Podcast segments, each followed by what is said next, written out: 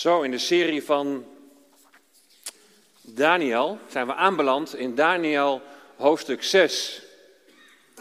En als er kinderen zijn van groep 3 vanmorgen, dan kennen jullie zeker dit verhaal. Kees Bakker die zei van tevoren nog, dit was vroeger het meest spannende verhaal op de zondagschool. Daniel in de leeuwenkuil. We gaan samen lezen Daniel 6 vanaf vers 1. Je ziet hem daar in de leeuwenkuil, hè? Wist je dat hij toen al een oude man was? Een jaar of tachtig?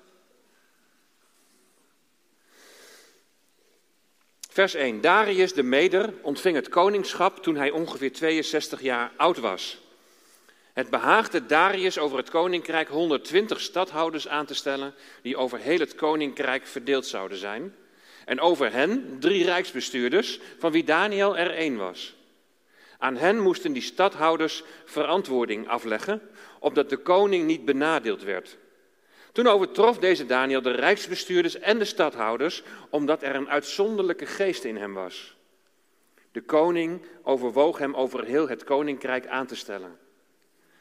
Daarop gingen de rijksbestuurders en de stadhouders zoeken naar een grond voor een aanklacht tegen Daniel in zaken het koninkrijk. Maar ze konden geen enkele grond voor een aanklacht of iets verkeerds vinden, omdat hij betrouwbaar was en er geen nalatigheid of iets verkeerds bij hem te vinden was. Toen zeiden deze mannen: We zullen tegen deze Daniel geen enkele grond voor een aanklacht vinden, tenzij we iets tegen hem vinden in de wet van zijn God. En zo kwamen deze rijksbestuurders en stadhouders eensgezind bij de koning en zeiden het volgende tegen hem: Koning Darius, leef in eeuwigheid. Al de rijksbestuurders van het koninkrijk, de machthebbers, de stadhouders, de raadslieden en de landvoogden zijn na onderling beraad van mening, zonder dat Daniel erbij was, dat er een koninklijk besluit moest worden opgesteld en een verbod moet worden bekrachtigd dat al wie binnen dertig dagen een verzoek zal richten aan welke god of mens ook, behalve aan u, o koning, in de leeuwenkuil zal worden geworpen. Nu dan, koning, stel het verbod op en onderteken het bevelschrift dat niet veranderd mag worden volgens de wet van Meden en Persen, die niet mag worden herroepen. En daarop ondertekende koning Darius het bevelschrift en verbod. Toen Daniel te weten kwam dat dit bevelschrift ondertekend was, ging hij naar binnen. Hij deed de luiken dicht, hij ging in een hoekje zitten. Nee, nu had hij in zijn bovenvertrek open vensters in, Jeruz in de richting van Jeruzalem. Op drie tijdstippen per dag ging hij op zijn knieën, bad hij en dankte hij voor het aangezicht van zijn God, precies zoals hij voordien had gedaan. En toen kwamen deze mannen, die kwamen eensgezind bij zijn huis en troffen Daniel aan, terwijl hij bad en smeekte om genade voor het aangezicht van zijn God. Meteen kwamen zij naar voren en zeiden in de tegenwoordigheid van de koning over het verbod van de koning: Hebt u niet een verbod ondertekend dat iedereen die binnen dertig dagen een verzoek zou richten aan welke God of welk mens ook, behalve aan u, o koning, in de leeuwenkuil zou worden geworpen? En de koning antwoordde: Dat woord staat vast volgens de wet van Meden en Persen, die niet mag worden herroepen. En toen antwoordden en zeiden ze in tegenwoordigheid van de koning: Daniel, een van de ballingen uit Juda, heeft op u, o koning, en op het verbod dat u ondertekend hebt, geen acht geslagen. Maar op drie tijdstippen per dag doet hij zijn gebed. En toen de koning dit woord hoorde, nam hij het zichzelf zeer kwalijk. En hij zette zijn hart erop om Daniel te verlossen. Tot zonsondergang spande hij zich in om hem te redden. En toen kwamen deze mannen weer eensgezind bij de koning en zeiden tegen de koning: Weet, o koning, dat het een wet van meden en persen is. En dat geen enkel verbod of besluit dat de koning heeft opgesteld veranderd mag worden. En toen gaf de koning bevel en men haalde Daniel en wierp hem in de leeuwenkuil. De koning nam het woord en zei tegen Daniel: Uw God, die u voortdurend vereert, hij zal u verlossen. Er werd een steen gebracht en op de opening van de kuil gelegd. De koning verzegelde die met zijn ring en de ring van zijn machthebbers, zodat de maatregel met betrekking tot Daniel niet veranderd kon worden. En toen vertrok de koning naar zijn paleis. De nacht bracht hij vastend door. Geen enkele vorm van vermaak liet hij bij zich brengen. En zijn slaap was ver van hem geweken. Vroeg in de morgen, toen het licht werd, stond de koning op. Haastig vertrok hij naar de leeuwenkuil. En toen hij in de nabijheid van de kuil gekomen was, riep hij naar Daniel met droeve stem. De koning nam het woord en zei tegen Daniel: Daniel, dienaar van de levende God, heeft uw God, die u voortdurend vereert, u van de leeuwen kunnen verlossen? En toen sprak Daniel tot de koning: O koning, leef in eeuwigheid. Mijn God heeft zijn engel gezonden en hij heeft de muil van de leeuwen toegesloten. Ze hebben mij geen letsel toegebracht, omdat ik voor hem onschuldig ben bevonden.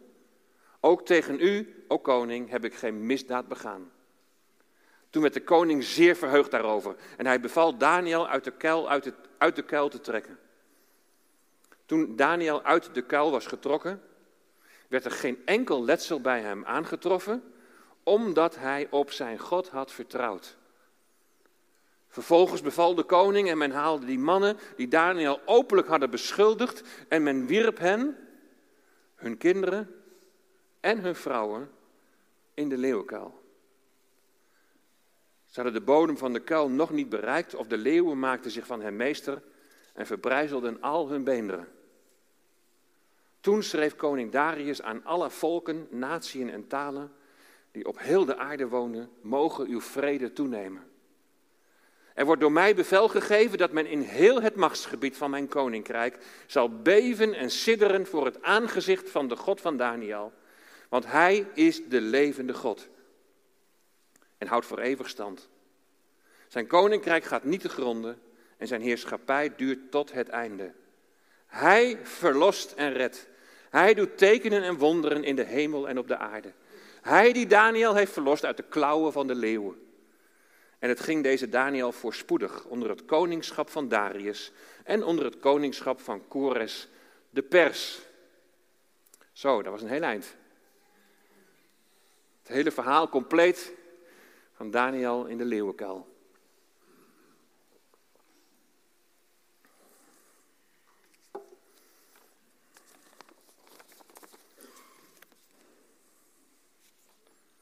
Ken je hem? Ik heb een brief gekregen van de Belastingdienst. En daar staat boven, geachte mevrouw, meneer. Wij hebben u eerder een brief gestuurd over uw registratie in de fraude signaleringvoorziening. Op dit moment brengen wij in beeld welke gevolgen de FSV-registratie voor u heeft gehad bij de Belastingdienst. Dat is niet best. Ik dacht, laat ik het maar vast melden. Laat ik er maar gewoon transparant over zijn. Want stel je voor dat morgen in de krant staat: voorganger van de fontein fraudeert. Nou, ik kan u geruststellen. Naar aanleiding van de toeslagenaffaire wordt breder onderzocht welke mensen ten onrechte in dit systeem zijn opgenomen. Ze zochten blijkbaar een aanklacht, net als bij Daniel. Nou, gelukkig is er niks aan de hand. Maar frauderen en corruptie is natuurlijk wel aan de orde van de dag. Van de week was nog in het nieuws dat verzekeringsfraude door ondernemers met 14% is toegenomen ten opzichte van vorig jaar. Ja, er zullen misschien ook wel steeds meer in de financiële problemen komen. En dan is dit een mogelijke oplossing, denken ze dan. Het WK voetbal in Qatar begint vandaag. Over corruptie en fraude gesproken. Qatar, dat ligt net niet in het Medo-Persische Rijk. Maar frauderende handelingen gingen vooraf aan de toewijzing van het WK voetbal in deze zandbak. De FIFA, dat is de Wereldvoetbalbond. Een meerderheid van de 22 toenmalige FIFA-bestuurders koos voor Qatar. Van die 22 zijn er inmiddels 16 veroordeeld of gelinkt aan corruptie. Het WK ligt natuurlijk zwaar onder vuur door de mensenrechten schendingen. Uit onderzoek van de Britse krant The Guardian bleek dat 6500 arbeidsmigranten zijn overleden bij, het, bij de werkzaamheden aan de stadions. Een week voor het FIFA-congres van 2010 belde Michel Platini, Hij was voorzitter van de UEFA, van de Europese Voetbalbond. Die belde met Sepp Blatter, die toen nog de baas was van de FIFA, van de Wereldvoetbalbond. En Platini die vertelde dat hij was uitgenodigd in het paleis van president Sarkozy in Frankrijk. En president Sarkozy die had net geluncht met de kroonprins van Qatar. Sarkozy zei tegen Platini: Kijk eens wat jij en je collega's van de UEFA kunnen doen voor Qatar als het WK wordt uitgereikt. En dankzij Platini's vier stemmen ging het WK naar Qatar in plaats van naar de Verenigde Staten. Zes maanden later kocht Qatar straaljagers van de Fransen voor 14,6 miljard. Dat is natuurlijk toevallig. Of, of, of toch niet? De behandeling van de arbeidsmigranten is al een schande. Maar hier zie je dat het al veel eerder is misgegaan bij de toewijzing van het wereldkampioenschap. Corruptie in het groot. Schandalig. De mammon, de zucht naar geld die de mens in de greep heeft. Maar wat maak jij in je eigen omgeving mee als het gaat om fraude en corruptie? Hoe ga je daar als christen mee om? Misschien ben je er zelf wel gevoelig voor. Durf je iets aan de kaak te stellen? Op het moment dat er wordt gefraudeerd? Ben je bereid om die klokkenluider te zijn? Een benadeelde werkgever die zal daar blij mee zijn, maar je collega's spugen je uit. Het is ook wel lastig. En je voelt dat spanningsveld van enerzijds een klikspaan zijn, en anderzijds vind je dat er recht moet worden gedaan. En ik vermoed dat Daniel in een soortgelijke situatie zat. De 120 stadhouders, zeg maar burgemeesters en wethouders in onze tijd, die moesten verantwoording afleggen aan de rijksbestuurders. Zeg maar de commissarissen van de koning. En dan staat er in vers 3, opdat de koning niet benadeeld werd. Er is sprake van een soort militair overgangsbewind na de val van het Babylonische Rijk. Koning Cyrus, ook wel Kores genoemd, die is koning van het grote Medo-Persische Rijk. En hij heeft Darius aangesteld als koning van Babel. Hij ontving het koningschap, hebben we net gelezen. En er is een duidelijke hiërarchie om corruptie tegen te gaan. Daartoe moet koning Darius voor 100% kunnen vertrouwen op die rijksbestuurders. En de koning merkt wel dat hij Daniel, die een van die rijksbestuurders is, dat hij hem volledig kan vertrouwen. Hij die gelooft in die ene God. Hij die gelooft in de God van Israël, in de God van Abraham, Isaac en Jacob. Hij stelt dingen aan de kaak die niet door de beugel kunnen. Tegelijkertijd geeft hij zelf het goede voorbeeld. Hij sjoemelt niet met zijn belastingpapieren. Hij neemt niet stiekem iets van zijn werk mee wat hij thuis goed kan gebruiken. Geen seksueel overschrijdend gedrag. Hij behandelt iedereen met respect. Nou, het staat hier allemaal natuurlijk niet letterlijk, maar, maar zo stel ik me Daniel voor. Een oprechte man. Darius kan op hem bouwen. En daarom wil hij Daniel promotie geven. De koning overwoog hem om over heel het koninkrijk aan te stellen. Ja, een reactie kan daar natuurlijk niet uitblijven. Jaloezie bij die andere twee rijksbestuurders en bij die 120 stadhouders. Die oude man, een Jood, een balling, een asielzoeker die ons baantje inpikt. Is de koning nu helemaal gek geworden?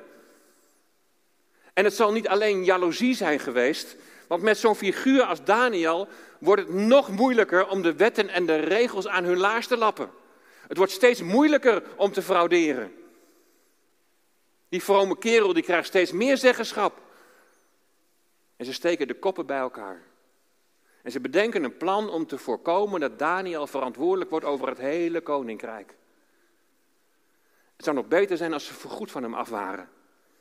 Voortdurend houden ze hem in de gaten of ze hem op een foutje kunnen betrappen. Maar helaas, die vinden ze bij Daniel niet. Vers 5, ze konden geen enkele grond voor een aanklacht of iets verkeerds vinden. Omdat hij betrouwbaar was. En er geen nalatigheid of iets verkeerds bij hem te vinden was. Sta jij zo bekend als christen? Betrouwbaar, geen nalatigheid, niets verkeerds. Wordt dat straks bij je graf van jou gezegd? Niet dat mensen in de wereld je daarom altijd zullen bewonderen. Het kan zelfs irriteren als jij weigert om aan bepaalde dingen mee te doen. En ze vinden je saai en je bent veel te precies. Jij altijd met dat gezeur over wat allemaal niet goed is en wat niet zou kunnen. Of wat jij anders zou doen of wat je anders zou aanpakken. Betrouwbaar. Geen nalatigheid. Niets verkeerds. Dat is allereerst een getuigenis naar God aan wie je trouw wil zijn. En vervolgens wil je naar mensen om je heen laten zien dat je daden in overeenstemming zijn met datgene wat jij getuigt in woorden. Omdat de Heere God op de eerste plaats komt in je leven. Betrouwbaar, geen nalatigheid, niets verkeerds. Jaloezie is een gif. Jaloezie brengt het slechtste in de mensen naar boven. We hebben dat gezien bij Jozef. De broers konden hem niet uitstaan. Ze gooiden hem in de put en verklaarden hem voor dood. Hier in Daniel 6 zijn de rijksbestuurders en de stadhouders jaloers op Daniel. Ze zijn, ze zijn op zoek naar mogelijkheden om hem aan te klagen. En je kunt dit zien hè, als een strijd tussen de bestuurders en Daniel. In je eigen situatie kun je het, kun je het zien als een, als een strijd tussen mensen. Maar vergeet niet dat er vanaf het begin dat er al een geestelijke strijd woedt. De eerste onderwijsavond over Daniel heb ik jullie een rode lijn geschetst door de Bijbel heen. Na de zondeval geeft God een hele bijzondere belofte. Die belofte, daar hebben we bij stilgestaan. Genesis 3, vers 15. En ik zal vijandschap teweeg brengen tussen u en de vrouw. Het gaat dus even om die geestelijke strijd. En tussen uw nageslacht en haar nageslacht. Dat zal u de kop vermorzelen en u zult het de hiel vermorzelen. Wie is die vrouw in de Bijbel? Dat is Israël. Wie is het zaad van Israël? Wie wordt uit Israël geboren? Dat is de Messias. Het zaad van de slang is de duivel, dat zijn de gevallen engelen, dat zijn de demonen. En zij hebben hun pijlen gericht op de vrouw, op het volk Israël, om, om te voorkomen dat uit hen de Messias geboren zal worden. Een geestelijke strijd. Bij Jozef hebben we gezien dat het volk bijna ophield te bestaan door hongersnood. Bijna stokte Genesis 3, vers 15. Maar jo Jozef wordt door God vooruitgestuurd om uiteindelijk zijn volk te redden. En in relatie tot het boek Daniel zien we dat God zijn volk tuchtigt door hen in ballingschap te sturen. Maar dan is de duivel, die is er als de kippen bij om het volk te verzoeken. Om de vrouw, het volk, hier in de persoon van Daniel aan te vallen. Het is een geestelijke strijd en het is een aanval op het gebed. De Satan die had er het grootste belang bij om het gebed te laten ophouden. De overste van de wereld is lang zo bevreesd niet voor geharnaste strijders als voor machteloze bidders. Hij weet dat juist in die machteloosheid de kracht schuilt van de kinderen van God. Het is hem bekend dat het leven en de toekomst van de gemeenschap van gelovigen afhankelijk is van haar gebed. In Daniels tijd was een ernstige nederlaag toegebracht aan het leger der bidders. Door de verwoesting van Jeruzalem. In Jeruzalem stond immers de tempel, de plaats van aanbidding. Van oude tijden af was met de reuk van het reukofferaltaar het gebed van de heiligen opgestegen. Maar het was nu uit.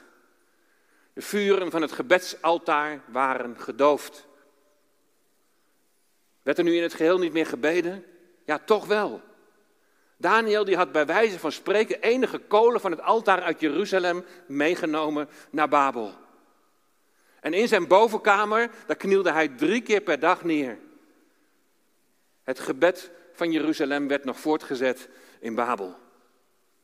En zolang deze dunne gebedsdraad gespannen bleef, had Israël nog toekomst.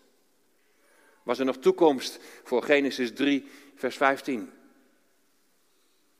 En in Daniel 9 zullen we laten zien dat Daniel tot God bidt en zich voor hem verootmoedigt. Hij bidt als een middelaar, hij pleit voor het volk. Als dit gebed wordt verboden, als het een halt toegeroepen wordt, dan is dat niet zomaar iets. Je zou kunnen denken, ach ja, nou 30 dagen even niet bidden. De vrouw, die moet voortbestaan om het zaad, de Messias, voor te brengen. En dat zal niet in Babel gebeuren, maar in Bethlehem. De rijksbestuurders en de stadhouders kunnen Daniel niet, Daniel niet pakken op de dagelijkse dingen. En daarom vallen ze hem aan op het geestelijke. Een geestelijke strijd. En Daniel, hij is op de hoogte van het gebod. En toch gaat hij bidden. Waarom Daniel? Er staat nergens een voorschrift in de Torah dat ze driemaal daags met hun gezicht naar Jeruzalem moeten bidden. Daniel, je had toch minstens even je luiken dicht kunnen doen. Stiekem even in een donker hoekje ergens bidden. Zodat niemand het ziet. Weet je waarom ze drie keer daags gingen bidden?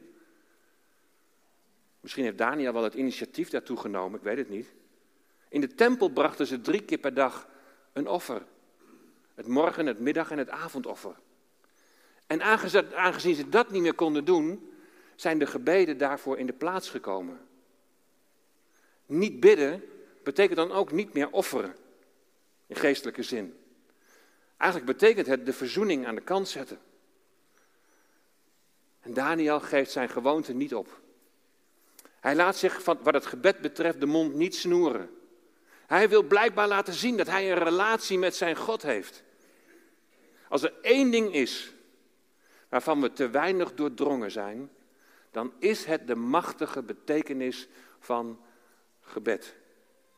Het gebed, zo wordt het wel eens gezegd, het gebed is de ademtocht van de ziel. En als die adem wordt benomen, dan is het niet best. Welke plaats heeft het gebed in je leven?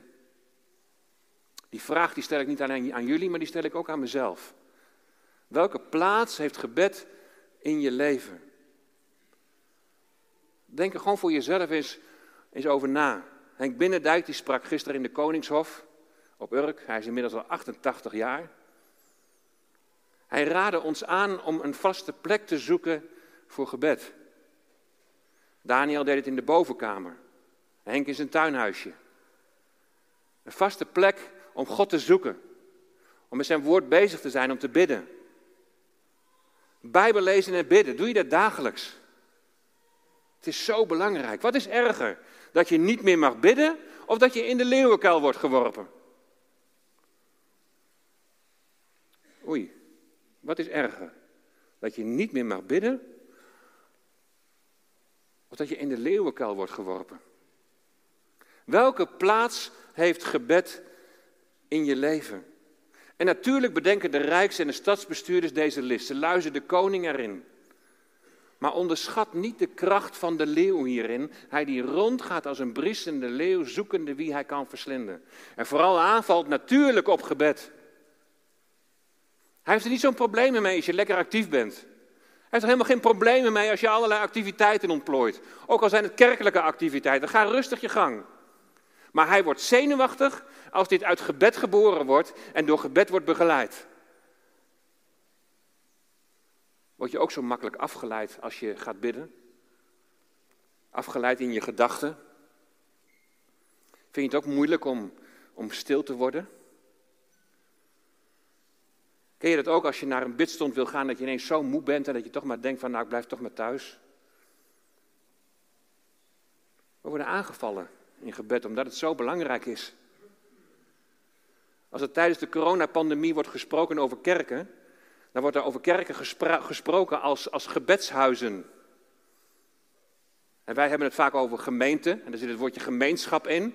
Gemeenschap met God en met elkaar, en dat is natuurlijk hartstikke mooi. Ik merk dat mensen in onze kring het nog wel eens wat lastig vinden om het over de kerk te hebben. Maar dat heeft ook een mooie betekenis. Dat betekent van de Heer. De kerk is niet van ons, maar die is van de Heer. Maar gebedshuis is natuurlijk ook wel heel erg mooi. Wij, zijn jaren in Moldavië geweest en, en daar werden de kerken werden gebedshuizen genoemd. Gebedshuis, zo laat je zien dat we van onszelf niets kunnen. En je laat zien dat je in relatie staat met God en alles van Hem verwacht. Je kent Hem in al je wegen. De gemeente, de kerk, een plaats van gebed. Waar gebed een hele duidelijke plaats heeft. In Handelingen, daar lezen we over de gemeente naar Pinksteren.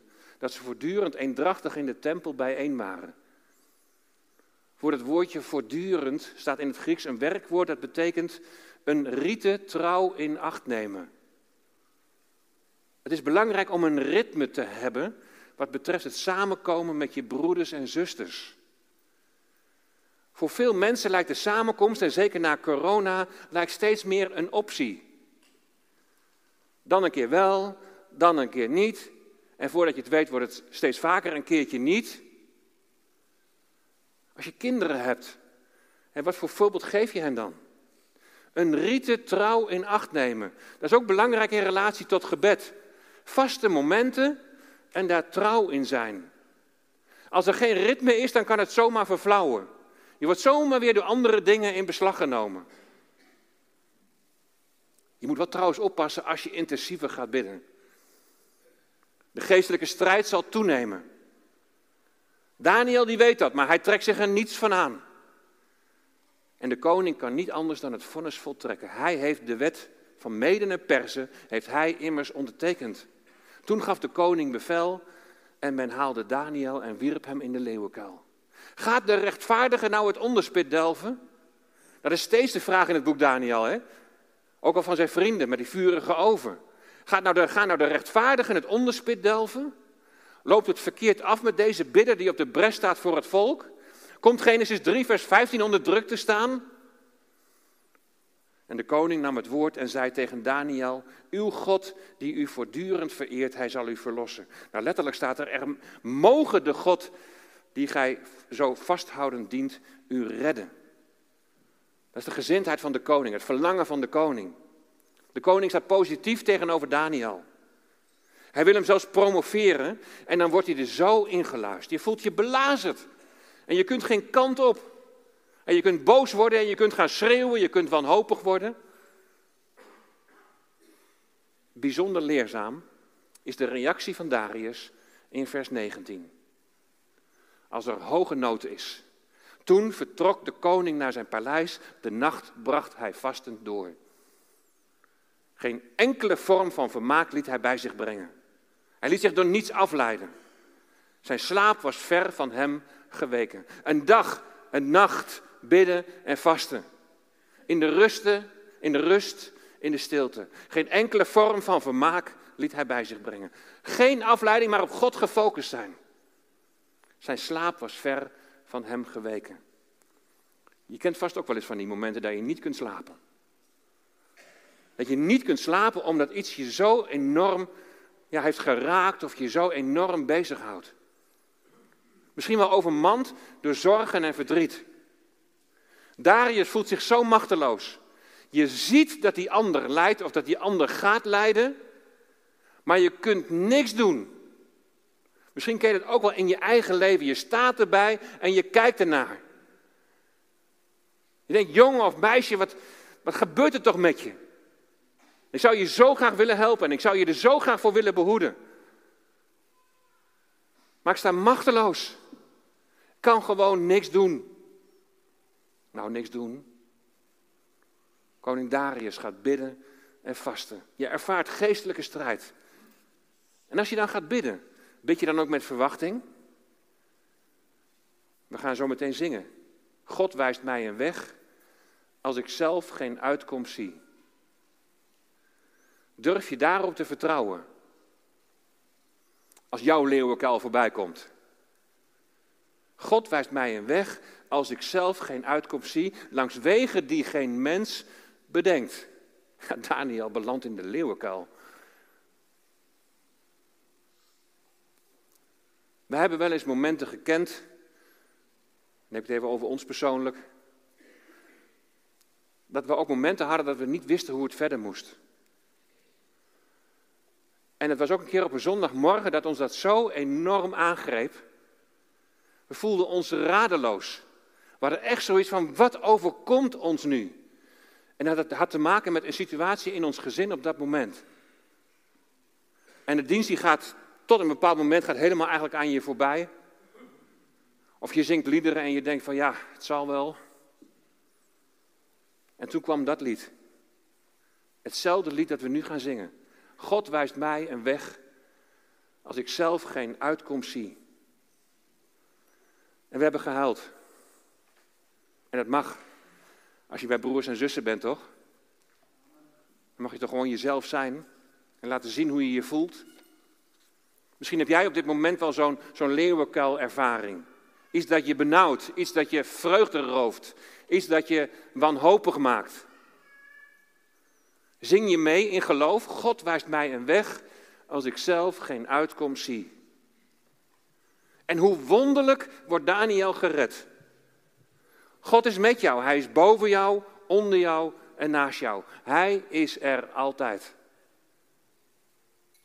Hoe houd jij je relatie met God in stand? Heb je een vaste plek om Hem te ontmoeten? Heb je vaste momenten om met Hem te praten? Helemaal niet per se dat het op die manier moet. Maar het kan je wel helpen om niet te verflauwen. Eigenlijk moet onze hele wandel door de dag heen een wandel van gebed zijn. Het bewustzijn dat we in relatie staan met de Allerhoogste. Gebed als ademtocht voor je ziel. Laat het niet verstikken. Verwaarloos je relatie met God niet. Hij zal met je zijn. Geprezen zij zijn naam. Halleluja. En zo is het. Amen.